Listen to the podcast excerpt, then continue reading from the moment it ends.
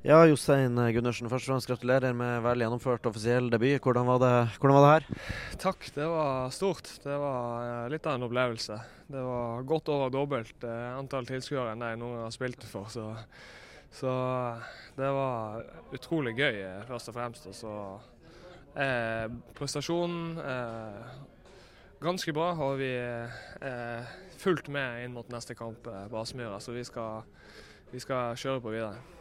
Ja, Johan Cruyff Arena og eh, nesten 57 000 tilskuere. Det, liksom, det er helt grei scene å de debutere på. Hvordan, hvordan, var de minuttene du fikk? Ja, Det var uh, utrolig gøy.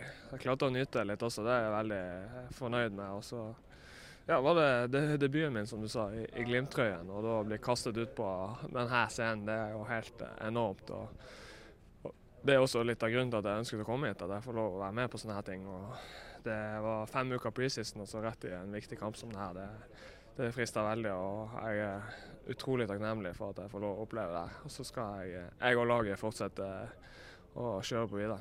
Du går jo ut på, på stillinga 0-2, og eh, sånn, så, så ender 2-2 til slutt. her. Er man litt skuffa over sluttresultatet, selv om det er, i hvert fall før kamp, et godt resultat? Ja, Vi blir jo litt sånn skuffet på slutten, det blir jo helt klart.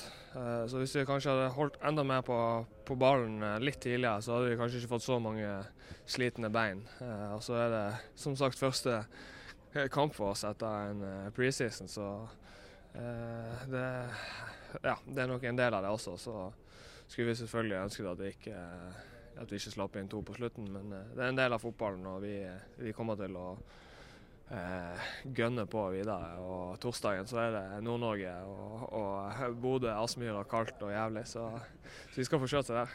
Ja, for 2-2 eh, her, og nå er det, det, det er gode muligheter til å ta seg videre nå? Eh, ja, det er det. Hvis vi spiller bra fotball, så er det absolutt muligheter. Vi kjente jo i dag at det var muligheter. Takk for det, Jostein.